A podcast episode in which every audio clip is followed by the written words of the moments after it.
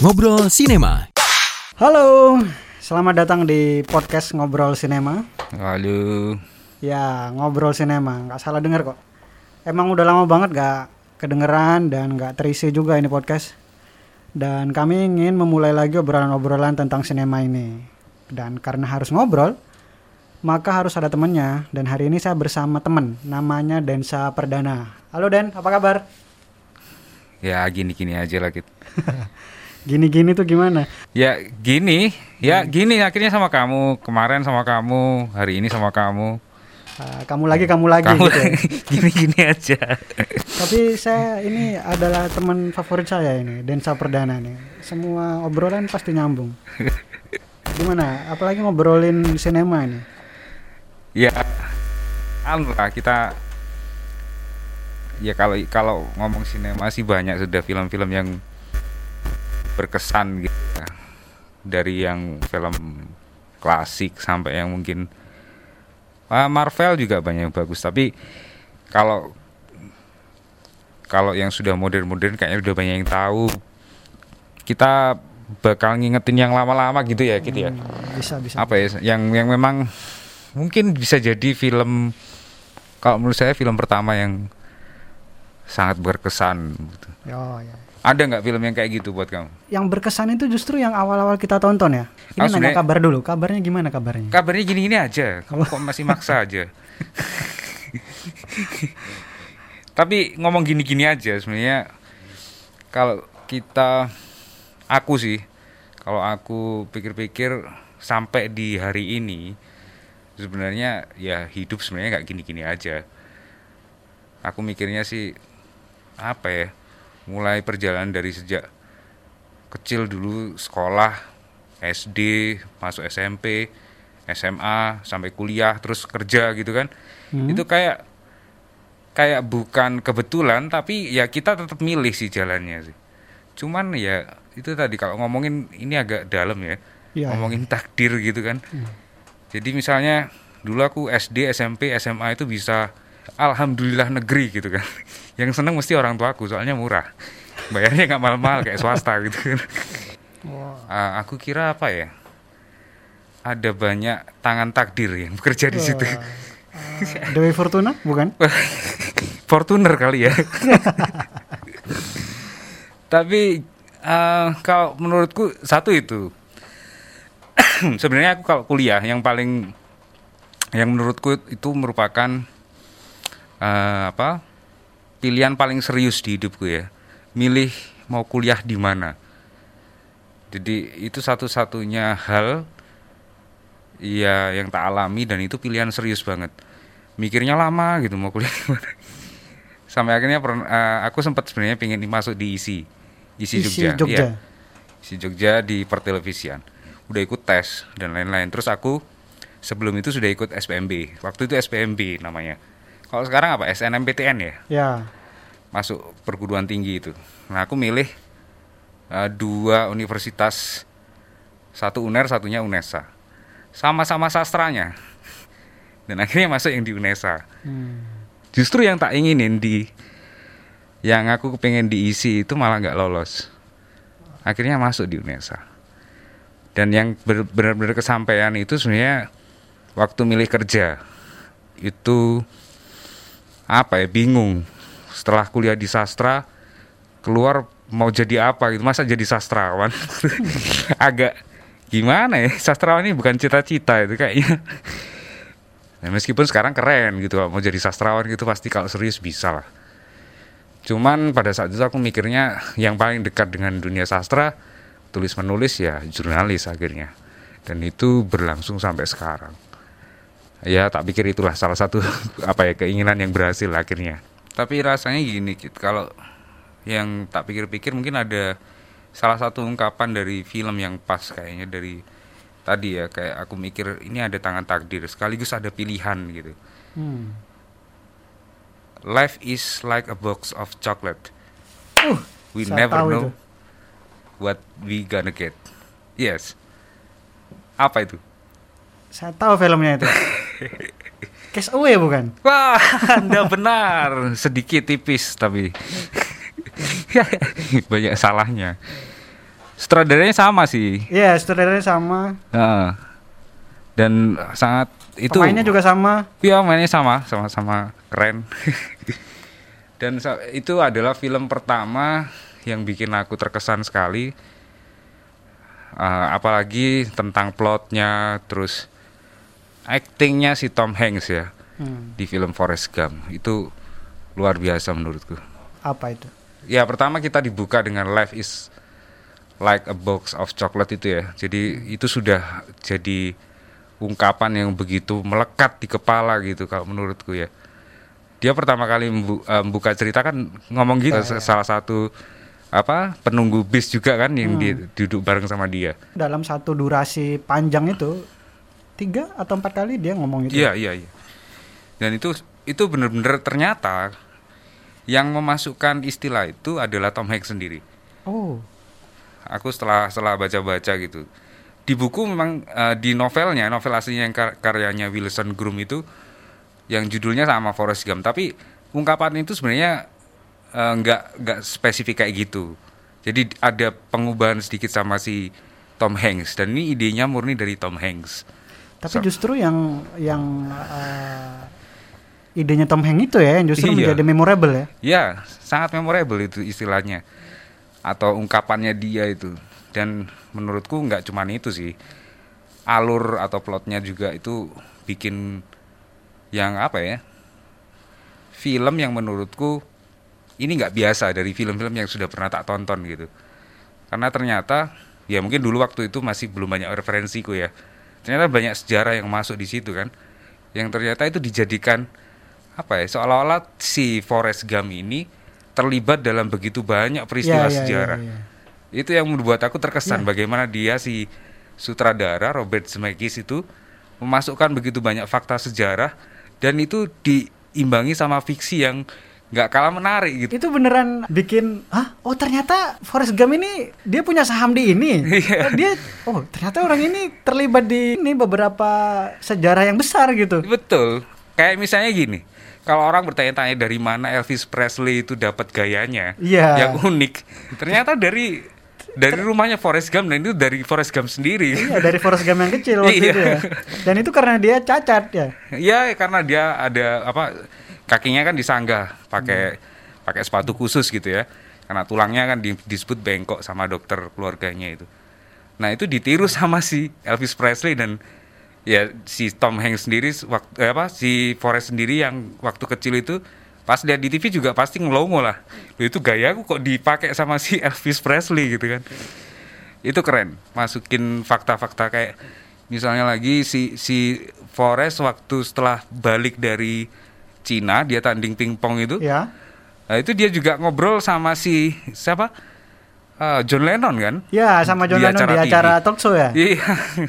Dan itu ternyata di bener-bener ada eh, wawancara itu sama John Lennon. Tapi si si eh, Forrest ini ditumpukkan di tubuhnya Yoko, Yoko Oh, Ono si istrinya. Yoko kekasihnya John Iya, Lennon. si istrinya si Lennon itu waktu itu. Itu keren banget, itu keren banget. Oh, berarti termasuk yang dia ada di eh, pertemuan-pertemuan dengan presiden. Ya, eh, itu kayaknya aku sih dapat info kayaknya itu memang eh, idenya Tom Hanks supaya itu benar-benar supaya sejarahnya itu yang dipertahankan terlihat asli dan seolah-olah memang Tom Hanks ada di runutan sejarah yang itu tadi. Karena dia kan berapa kali ketemu presiden ya masuk di istana atau di gedung putih itu kan berapa kali dipanggil termasuk yang waktu dia eh, dapat penghargaan setelah perang Vietnam. Terus eh, penghargaan waktu dia s- menang pingpong itu. Ya, ya, ya. terus dia waktu gabung sama timnasnya football Amerika waktu itu. Ya itu banyak sekali yang memang satu menurutku bikin lucu. Karena eh, si Nixon atau siapa yang dia minta Tom Hanks eh minta si Forrest nunjukin luka akibat tembakan di Vietnam ternyata Oh iya, ditunjukin yang, beneran yang dia nu- nunjukin pantatnya itu. jangan ditunjukin beneran loh itu dan ya gimana kalau misalnya nggak tahu sih itu apa beneran ada yang kayak gitu cuman kayaknya memang dia main-main pakai CGI gitu ya Ya CGI kayaknya. hmm. Apalagi gitu yang mungkin menarik karena eh, Forrest Gump memang buat aku eh, jadi film yang apa ya mempengaruhi seleraku selanjutnya gitu. Iya, dia memasukkan banyak bukan pop culture ya. Kalau yang pop culture yang kayak eh, Steven Spielberg di film apa Ready Player One itu bukan ya. Ini dia memasukkan banyak fakta, cuman alternatif kayak si Quentin Tarantino gitu ya. Oh iya di Inglourious Basterds. Ah, terus di yang film terakhirnya yang Once Upon Time in Hollywood itu juga. Iya ya. iya benar-benar. Jadi eh, saya juga herannya pas nonton eh, Forrest Gump ini, wah gila, dia runtutan runtutan hidupnya itu penuh dengan eh, fakta-fakta dan dia terlibat gitu, Hmm, hmm. terlibat apa terlibat dengan sejarah-sejarah itu gitu. Iya iya iya. Dan eh, dan seolah-olah dia tuh menjadi inspirasi banyak orang, Betul. sama dengan seperti dia waktu yang lari itu. Ya benar lari. Ternyata lari itu juga diambil dari peristiwa yang memang sudah ada loh Kit. Jadi Oh ya? kalau aku cari-cari itu ada orang yang pernah melakukan itu. Dia lari keliling negara sekitar tahun 80-an. Namanya Louis Michael Figueroa. Oh. Nah, itu dia dia memang melintasi beberapa negara dan tujuannya untuk eh, kalau nggak salah untuk donasi untuk eh, penderita kanker Oh, oke oke oke. tahun 80-an dan dia kutipannya itu dipakai di filmnya Forrest Gump Apa itu? Kayak ya, dia ngomong gini waktu dia cerita sama ibu-ibu yang di tempat dia nunggu bis itu loh dia ngomong ketika saya lelah saya tidur saya lapar eh, saya makan terus waktu saya pengen buang air ya saya buang air. Itu itu ungkapan itu ternyata dikeluarkan oleh Figueroa sendiri. Oh. dan itu dipakai dikutip langsung oleh si eh, sutradara untuk disampaikan sama si Forrest Gump. Gitu masih banyak sih sebenarnya fakta-fakta yang kayak gitu dan menurutku ada salah satu yang unik ya aku nyari-nyari sempat juga kenapa nama Forrest Gump yang dia sebut diambil dari salah satu jenderal ya namanya Nathan Bedford Forrest itu Eh, Jenderal Ku Klux Klan. Iya betul. Kenapa kuku klans gitu kan? Eh, terus kenapa harus eh, apa namanya masuk di dalam skin itu? Ya ini kayaknya sama dengan novelnya sih. Alasannya ternyata ada di film juga dikutip sam- eh, disampaikan sama ibunya lewat penceritaannya si Forrest juga bahwa ibunya menamai Forrest itu untuk mengingatkan bahwa kita kadang-kadang melakukan hal-hal yang tidak masuk akal. Karena si Nathan Bedford Forrest ini eh, kalau informasinya dia itu adalah jenderal pertama Ku Klux eh, apa namanya? Ku Klux Klan. Ku Klux. Nah, itu dia sempat membantai ribuan orang pasukan negro ya, Hah? kulit hitam yang sudah menyerah. Bayangin sudah nyerah dibantai. Ini benar-benar nggak masuk akal gitu kan bagi orang-orang ya yang waras lah. Yaitu untuk mengingatkan uh, si Forrest sendiri sebenarnya katanya dia dia dinamai dengan nama Forrest supaya dia ingat bahwa manusia itu kadang-kadang melakukan hal yang tidak masuk akal. Wih, Mantap ya. iya iya iya. Dalam itu bener. Tapi ironisnya adalah dia berteman eh, juga dengan eh, orang kulit hitam, Ya, kayaknya itu sengaja ditampilkan si Buba ya. Buba. Nah, itu sengaja ditampilkan supaya apa ya untuk mengingatkan atau ada misi yang memang mau ditampilkan di situ bahwa selama ini rasisme di Amerika itu ya sangat sangat tidak masuk akal juga menurut si penulis novel maupun si Robert Zemeckis juga gitu, Hmm.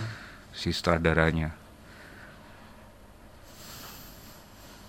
Banyak hal yang memang ya termasuk salah satunya kalau nggak keliru cara penceritaan yang seperti itu menggabungkan fakta sama fiksi kayak di Forrest Gump itu sejarah alternatif ini juga banyak dilakukan oleh eh, aku kan baca-baca juga novel gitu kan Jorge Luis Borges itu eh, penulis Argentina itu juga pernah menerbitkan buku yang memang dia itu menyadur dari beberapa fakta tentang kejahatan yang pernah terjadi di bumi dengan fiksinya dia sendiri ala ala dirinya sendiri. Jadi apa-apa yang tidak terjawab gitu itu dijawab oleh si Borges ini tadi. Sejarah alternatif namanya. Kamu sempat sempat kemarin sempat cerita yang itu yang eh, siapa? Cerpennya siapa? Oh, dia anugerah. Dia anugerah. Iya iya iya. Aku aku lupa judulnya tapi kalau nggak keliru pemuda eh atau apa ya yang dia itu memang di apa alurnya itu menceritakan tentang eh, dia merespon sebenarnya dari sejarah tentang eh, kenapa di hari Sabat itu orang-orang Yahudi tidak makan ikan gitu kan. Nah, itu ada ada fakta-fakta yang dimasukkan tapi sekaligus ada fiksi-fiksi yang di- justru Ya, ya. diplesetkan gitu di situ digabungin. Menarik gitu ya konsepnya. Menarik, menarik. Tapi yang tapi yang di Forest Gump ini dia sepanjang durasi, Bro. Iya. Dia sepanjang durasi itu memasukkan itu. Banyak. Kayak misalnya ini. ah, waktu lari itu kan si si Forest terus kemudian dimintai pendapat sama pengusaha stiker kalau nggak keliru. Dia dimintai pendapat terus eh, si Forest nggak sengaja nginjak tainya anjing. Nah, dia ngomong, "Shit, kamu menginjak tai anjing gitu." oh, kadang-kadang itu terjadi. Sometimes it happens. Akhirnya dikutip sama dia. Dia mikir, oh shit happens gitu. Oh, iya, iya. jadi jadi stiker itu bro. Dan itu sempat populer. Aku pernah tahu di tahun 90-an kayaknya. Iya. Shit happens itu banyak dipakai untuk kaos, dipakai untuk stiker yang di mobil kayak gitu-gitu. Termasuk yang kaos itu juga yang cuman aku lupa itu apa namanya itu. Yang dia buat lap itu ya setelah kena kena lumpur. Ya, Nah, ha. itu dia ada orang yang juga minta saran Kaos yang kuning. desain kaos ya.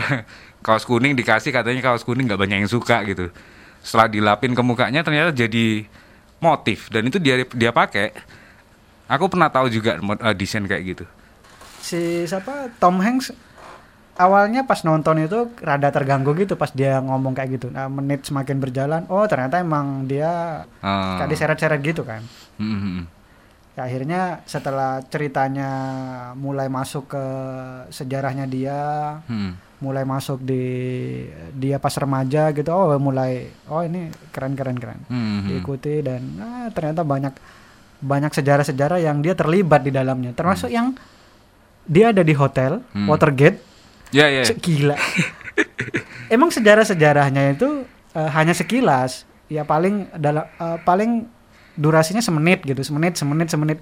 Cuman itu se- sejarah yang diambil sejarah yang besar-besar semua. Iya. Gila Watergate, Bro.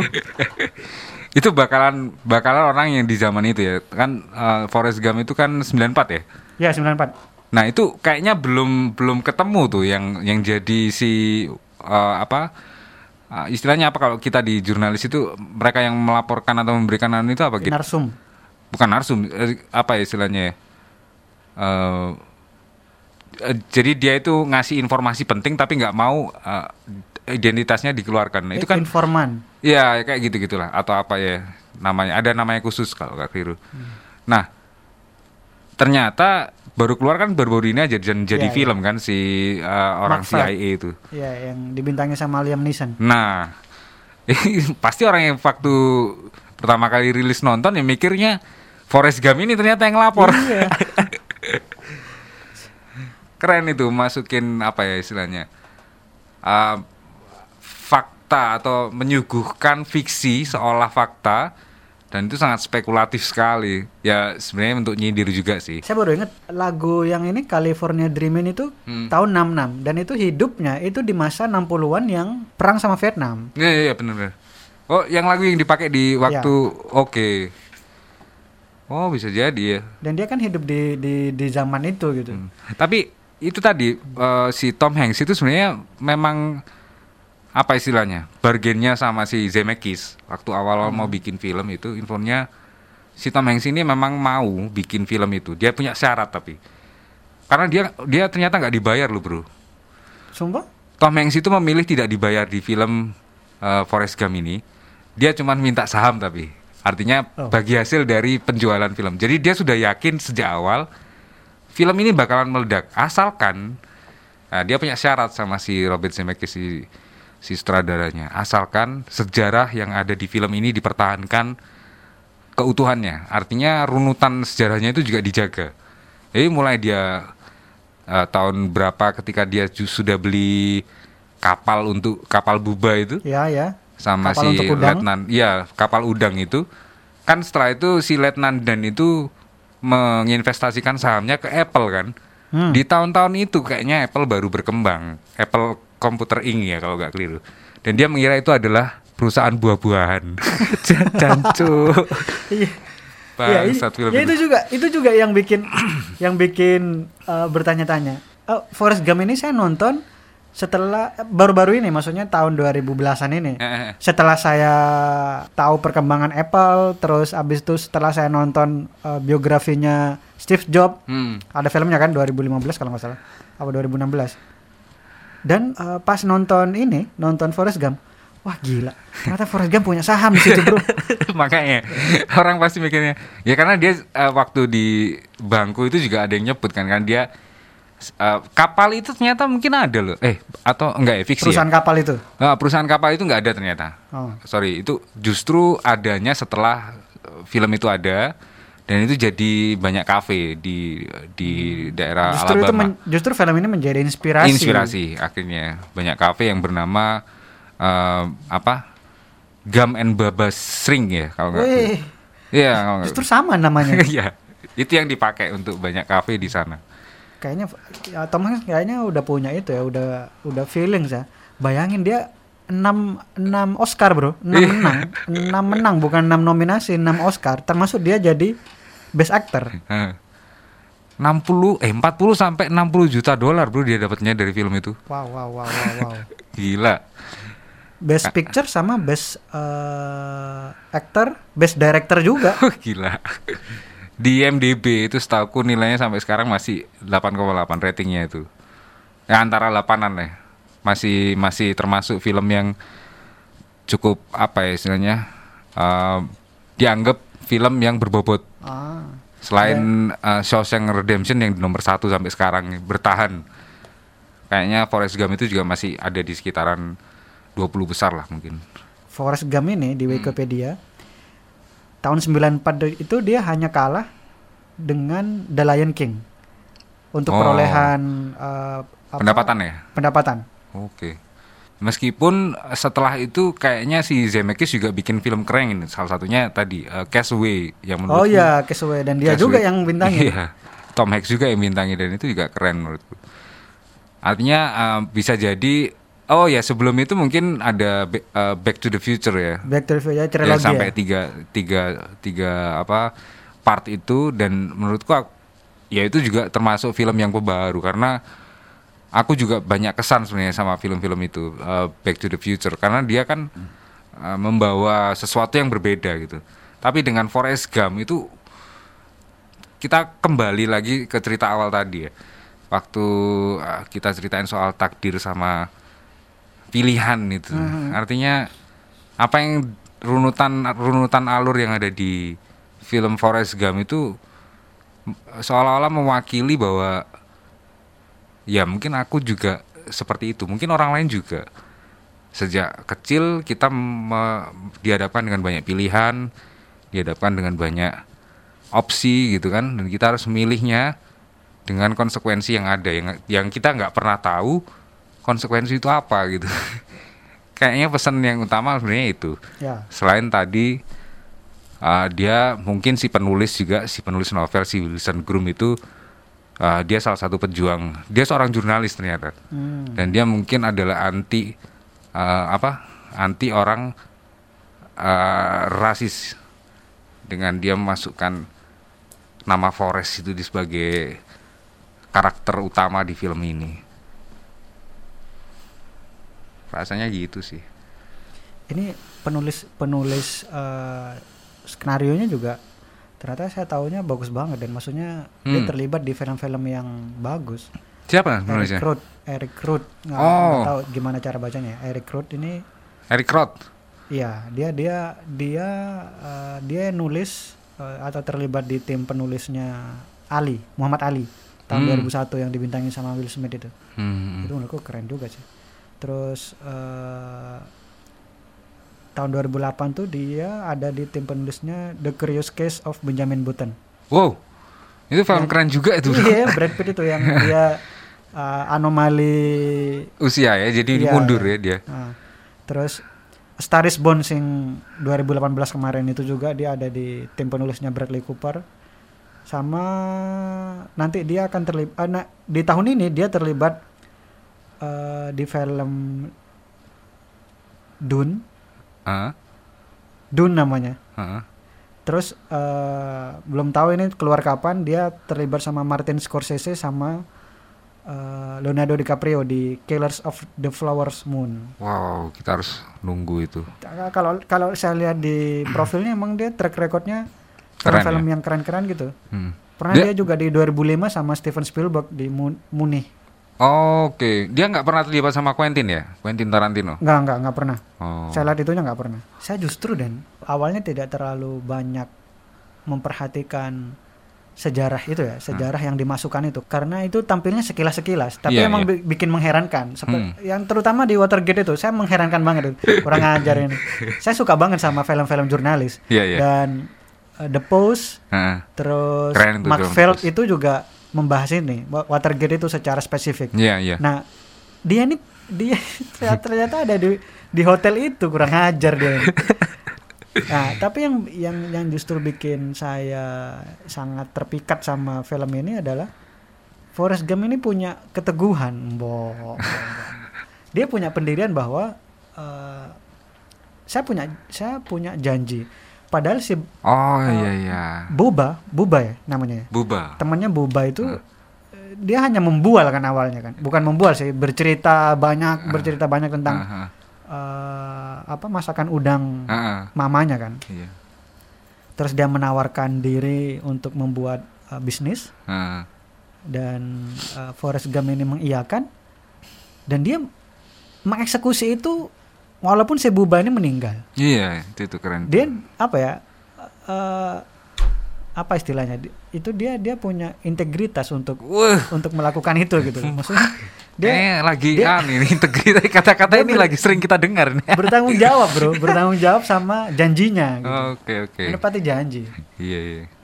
Ah, termasuk adalah soal cintanya mbok Mbok, Mbok. Aduh, bener. itu Setianya juga- itu ya sama Jenny ya. sama Jenny itu mbok dia menunggu menunggu Jenny saya mikirnya ah ini karena karena dia ini aja karena dia eh, apa IQ-nya rendah terus dia memiliki keterbelakangan eh, mental gitu juga kan Iya. tapi eh, dia beneran menunggu padahal dia sepopuler itu gitu di di, ma- di masa setelah militer kan dia sangat populer ya. Sangat populer. Eh, pingpong terus lari itu Iya. lari itu dia sangat populer bro tapi dia menunggu Jenny Iya. selalu menunggu Jenny Ya itu salah satu ya ada cerita lah dulu waktu SMA. Kayaknya itu waktu iya aku nontonnya waktu eh, nggak lepas sama kuliah kayaknya. Terus ada momen-momen atau memori-memori di waktu SMA itu yang tiba-tiba meruap lagi setelah nonton film itu. Waduh, gara-gara Jenny. Tapi memang ini film yang Ya sampai sekarang kesannya dan aku uh, menaruh Forrest Gump itu sebagai salah satu 10 besar film terbaik buat aku. oh Jadi ada banyak sebenarnya yang film-film yang berpengaruh juga. Castaway itu salah satunya kalau nggak keliru. Ada juga em, apa aku mungkin perlu bikin listnya lagi ya. oh 10 besar ya ini ya? Paling nggak Oh, 10 ini- besar. ini- Dia ini masuk di berarti 10 masih besar. ada 9 film lagi yang bisa Ah, kita iya. obrolin ini Bisa, bisa. Ada Saya- banyak. Ah, yang Saya- yang yang ini yang jadi Jenny Robin Wright Oh, iya, itu hah? itu wah gila Eh, pas di eh, durasi terakhir Hah? cantik banget bro sebelum dia nikah Oh iya iya. iya. cantik banget Waktu bro. sakit ya berarti ya? Hah? Waktu sakit. enggak, Artinya enggak, dia sebelumnya sebelumnya waktu dia ngasih tahu kalau ini anaknya anakmu gitu. Oh iya. Eh, Oke. kayaknya kita belum ngasih tahu ya kalau ini eh, apa spoiler alert. Halo teman-teman, ini spoiler semuanya teman-teman. Jangan mendengarkan kalau kamu belum nonton. Tapi ini cerita untuk orang-orang yang sudah nonton dan kita eh, akan membicarakannya. Ya, oke oke oke oke. Tapi oke. nggak nggak nggak nggak terlalu spoiler sedikit. Kita dari Iya. tadi kan ngomongin soal ya memang ada beberapa fakta-fakta sejarah yang di situ yang menarik gitu kan. Tapi nggak nggak semuanya. Ya ya ya. Ada banyak yang memang akan mengejutkan si penonton kalau dia belum pernah nonton film Ah. Forrest Gump. Meskipun tadi itu dibilang spoiler, tapi akan justru lebih apa menarik ketika ditonton. Iya benar. Karena ya memang nggak bisa diomongin. Film ini kan memang untuk ditonton. Ah. Dan Forrest Gump itu mulai dari awal uh, dia mempertahankan cara penceritaan sebuah karya fiksi yang baik. Dia bermula dari bulu kan yang terbang. Di akhir film bulu lagi, Bro. Iya. Itu yang dipertahankan. Jadi aku benar-benar sangat hormat itu di sini di film Forrest Gump itu dia benar-benar mempertahankan kon apa ya? konsistensi alur cerita mulai dari awal sampai akhir. Dan itu runutannya itu jelas menurutku eh, apa ya? Salut lah sama si para sines yang di- terlibat di situ. Tapi eh, meskipun gitu saya sedikit terganggu sih sama eh, adegan dia duduk di apa, Bangku. bangku nunggu bus Hmm. terus dia bercerita ke orang dengan Iya, seperti iya. itu saya saya agak terganggu sebenarnya tapi eh, setelah itu ya menikmati menikmati ceritanya dia. Menikmati menikmati apa yang dia ceritakan di masa lalunya. Hmm. Yang bikin terganggu apa? yang bikin terganggu? Maksudnya kalau kalau dipandang di zaman sekarang ya Oh, nggak mungkin ada orang yang seperti ini. Orang seperti ini paling di dilempar sepatu atau apa? Eh eh kamu kok sok kenal kamu? Kamu siapa ini tiba-tiba ngasih coklat ini? Eh eh. Ada racunnya ya? Gitu. Itu kalau kita gitu. di di mungkin di Indonesia nggak nggak kayak gitu ya, tapi di di sana mungkin budayanya udah beda. oh iya Salah satu yang mungkin jadi jawaban atas pertanyaanmu tadi eh, ini mengganggu. Sebenarnya dia dianggap eh, apa disebut sama si salah satu pendengarnya eh, kam itu adalah cerita yang jadi dia pas waktu setelah dengar diselat sama si perempuan ini yang udah agak tua. Setelah setelah yang cowok satunya ngomong dia ini kita ngobrol sama miliuner kalau nggak keliru. nah Nah itu yang si cewek akhirnya bilang itu adalah cerita yang sangat luar biasa. Dan kamu Forest menceritakan itu dengan cara bercerita yang sangat baik. Sebenarnya Forest ini yang bisa kita ambil pelajaran salah satunya adalah dia itu adalah pencerita yang baik meskipun dia IQ, IQ, IQ-nya di bawah storyteller ya standar storyteller dia. Dan dia ya itu tadi dia ngomong kamu menceritakannya dengan penuh semangat, kamu menceritakannya secara runut dan menarik. Jadi uh, aku ingat film yang kayak gini itu Big Fish. Woi Pernah Ewan nonton belum? Iya, Iwan McGregor. Big Fish itu kan salah satunya gitu. Si Iwan ini yang dia itu sangat terganggu dengan cara bapaknya itu mencampurkan fiksi di dalam cerita-cerita masa lalunya kan. hmm. Yang ternyata dia akhirnya menemukan dari, dari perjalanan itu orang-orang yang diceritakan sama bapaknya ini ada gitu. akhirnya dia akhirnya eh, di akhir cerita kalau nggak keliru. Tinggal eh, apa di dia waktu bapaknya meninggal dikasih sebelumnya sempat dikasih pilihan kalau nggak keliru.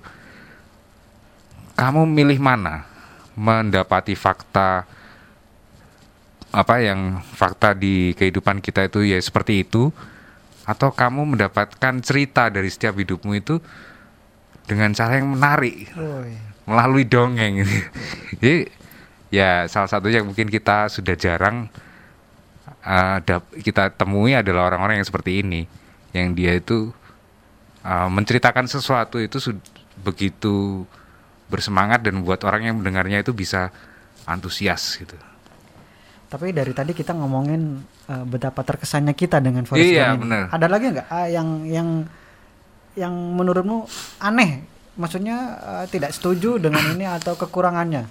Atau wah udah ditutup ini ini sudah keren banget ini, nggak bisa di Aku hampir udah nggak bisa nemukan kekurangan film ini sih, cuman apa ya mungkin ya. Kalau dari sisi penceritaan sih, aku nggak bisa menemukan kelemahannya, karena kalaupun ada melesetnya sejarah itu tadi bisa jadi kita temukan di sejak di tengah-tengah film ya. Tapi semua itu bisa tertutupi dengan fiksi yang dibangun. Em, caranya dia nge-matchkan antara si John Lennon ngomong apa ke si Ya, ya, ya. itu itu cocok banget dan itu terjadi itu ada yang Nixon yang memang mulutnya diganti loh itu Eh, presiden yang mulutnya diganti ngomong apa gitu jadinya apa gitu kan tapi kalau yang di wawancara sama John Lennon itu memang eh, dialog aslinya seperti itu. Nge- nge-match nge-matchkan nah dialognya itu, ya, nggak cuma dialog tapi jalan ceritanya bro. Jalan ceritanya. jalan ceritanya dia em, main pingpong sampai ke Cina itu kayaknya memang disesuaikan sama kebutuhan untuk Dialog itu. dialog itu gitu. Nggak gila apa tapi ah, mungkin kamu nemu apa? Yang mungkin eh, selain tadi mungkin kamu terganggu sama itu dialog di bangku Eh, saya terganggu sama Jenny. Jenny oke Kenapa dia baru baru datang Hah? hilang, Bro? sering hilang dari Enggak, forest pada akhir pada akhirnya dia hilang dari kehidupannya oh Gump. ya kayaknya ini dramatisasi ya sebenarnya Iya, iya, iya. Forrest ini digambarkan sebagai orang dengan IQ rendah yang mampu meraih segalanya yang diimpikan oleh orang dengan IQ yang normal atau IQ tinggi gitu kan. Hanya dengan dia berlari. kan penentu takdirnya sebenarnya dari lari itu terus dia masuk ke universitas terus habis masuk di apa gedung putih dan dari situ terus karirnya akhirnya melonjak sampai ke dia jadi apa di- ditawari jadi tentara ya untuk ke Vietnam terus main pingpong dan lain-lain jadi dari berlari itu seperti pesannya Jenny dia meraih banyak pencapaian gitu tapi satu yang tidak dicapai ya Jenny sendiri yang Wah, pesen gila emang Saya emang agak sakit hati sebenarnya. Bisa apa eh, apa yang lebih menyakitkan dari bertemu untuk berpisah, Bro? Waduh. Waduh. Dan mereka itu kan sering bertemu, berpisah, bertemu, berpisah, bertemu, berpisah, bertemu, berpisah. Akhirnya bertemu, berpisah selamanya. Selamanya. Ya gila. Dan meninggalkan Forrest Gump Junior. ya memang. Tapi pesan yang terakhir itu memang menggambarkan keseluruhan cerita tadi. Tentang tadi kita ngomongin sejak awal ngomong takdir sama pilihan itu kutipannya memang sangat kena waktu dia ngomong di atas makam itu kan ngomong ke Jenny itu Ya, apa itu? Eh, dia meragukan jadi dia bilang gini Forrest itu kalau nggak keliru em, ibunya kan sebelum meninggal juga pernah bilang kalau kita semua punya takdir masing-masing Hmm. Terus Letnan Dan itu yang jadi panutannya si Forrest dan jadi rekan kerjanya waktu di kapal juga pernah bilang, kenapa kamu merenggut takdirku gitu kan? Ya, ya, ya. Nah itu eh, seolah-olah memang penegasannya adalah setiap orang punya takdir masing-masing dan itu nggak bisa diubah gitu loh. Tapi ternyata Forrest mengubah takdir salah seorang Letnan Dan gitu kan. Hmm. Yang akhirnya dia selamat dari pertempuran dan nggak jadi mati di medan perang gitu kan. Eh, dia ngomong ke Jenny, "Ah, aku nggak yakin mana yang benar, apakah seperti yang dikatakan ibuku atau Letnan iya. Den soal takdir. Kita punya takdir masing-masing. Atau kita hanya melayang-layang tertiup angin, dia bilang gitu. Dan dia ngomong, rasanya kayaknya memang berjalan dua-duanya, jadi takdir sama pilihan-pilihan yang itu tadi, yang kita seolah-olah ditiup angin. Jadi itu berjalan dua-duanya, berdampingan nggak terpisahkan Wah. itu itu pesan yang gimana ya? Ya salah satu dari pesan selain uh, life is like a box of chocolate itu tadi yang mungkin bisa diambil pelajaran. Oke, oke, mantap. Mantap banget. Mantap obrolan ini, bro. obrolan kita hari ini.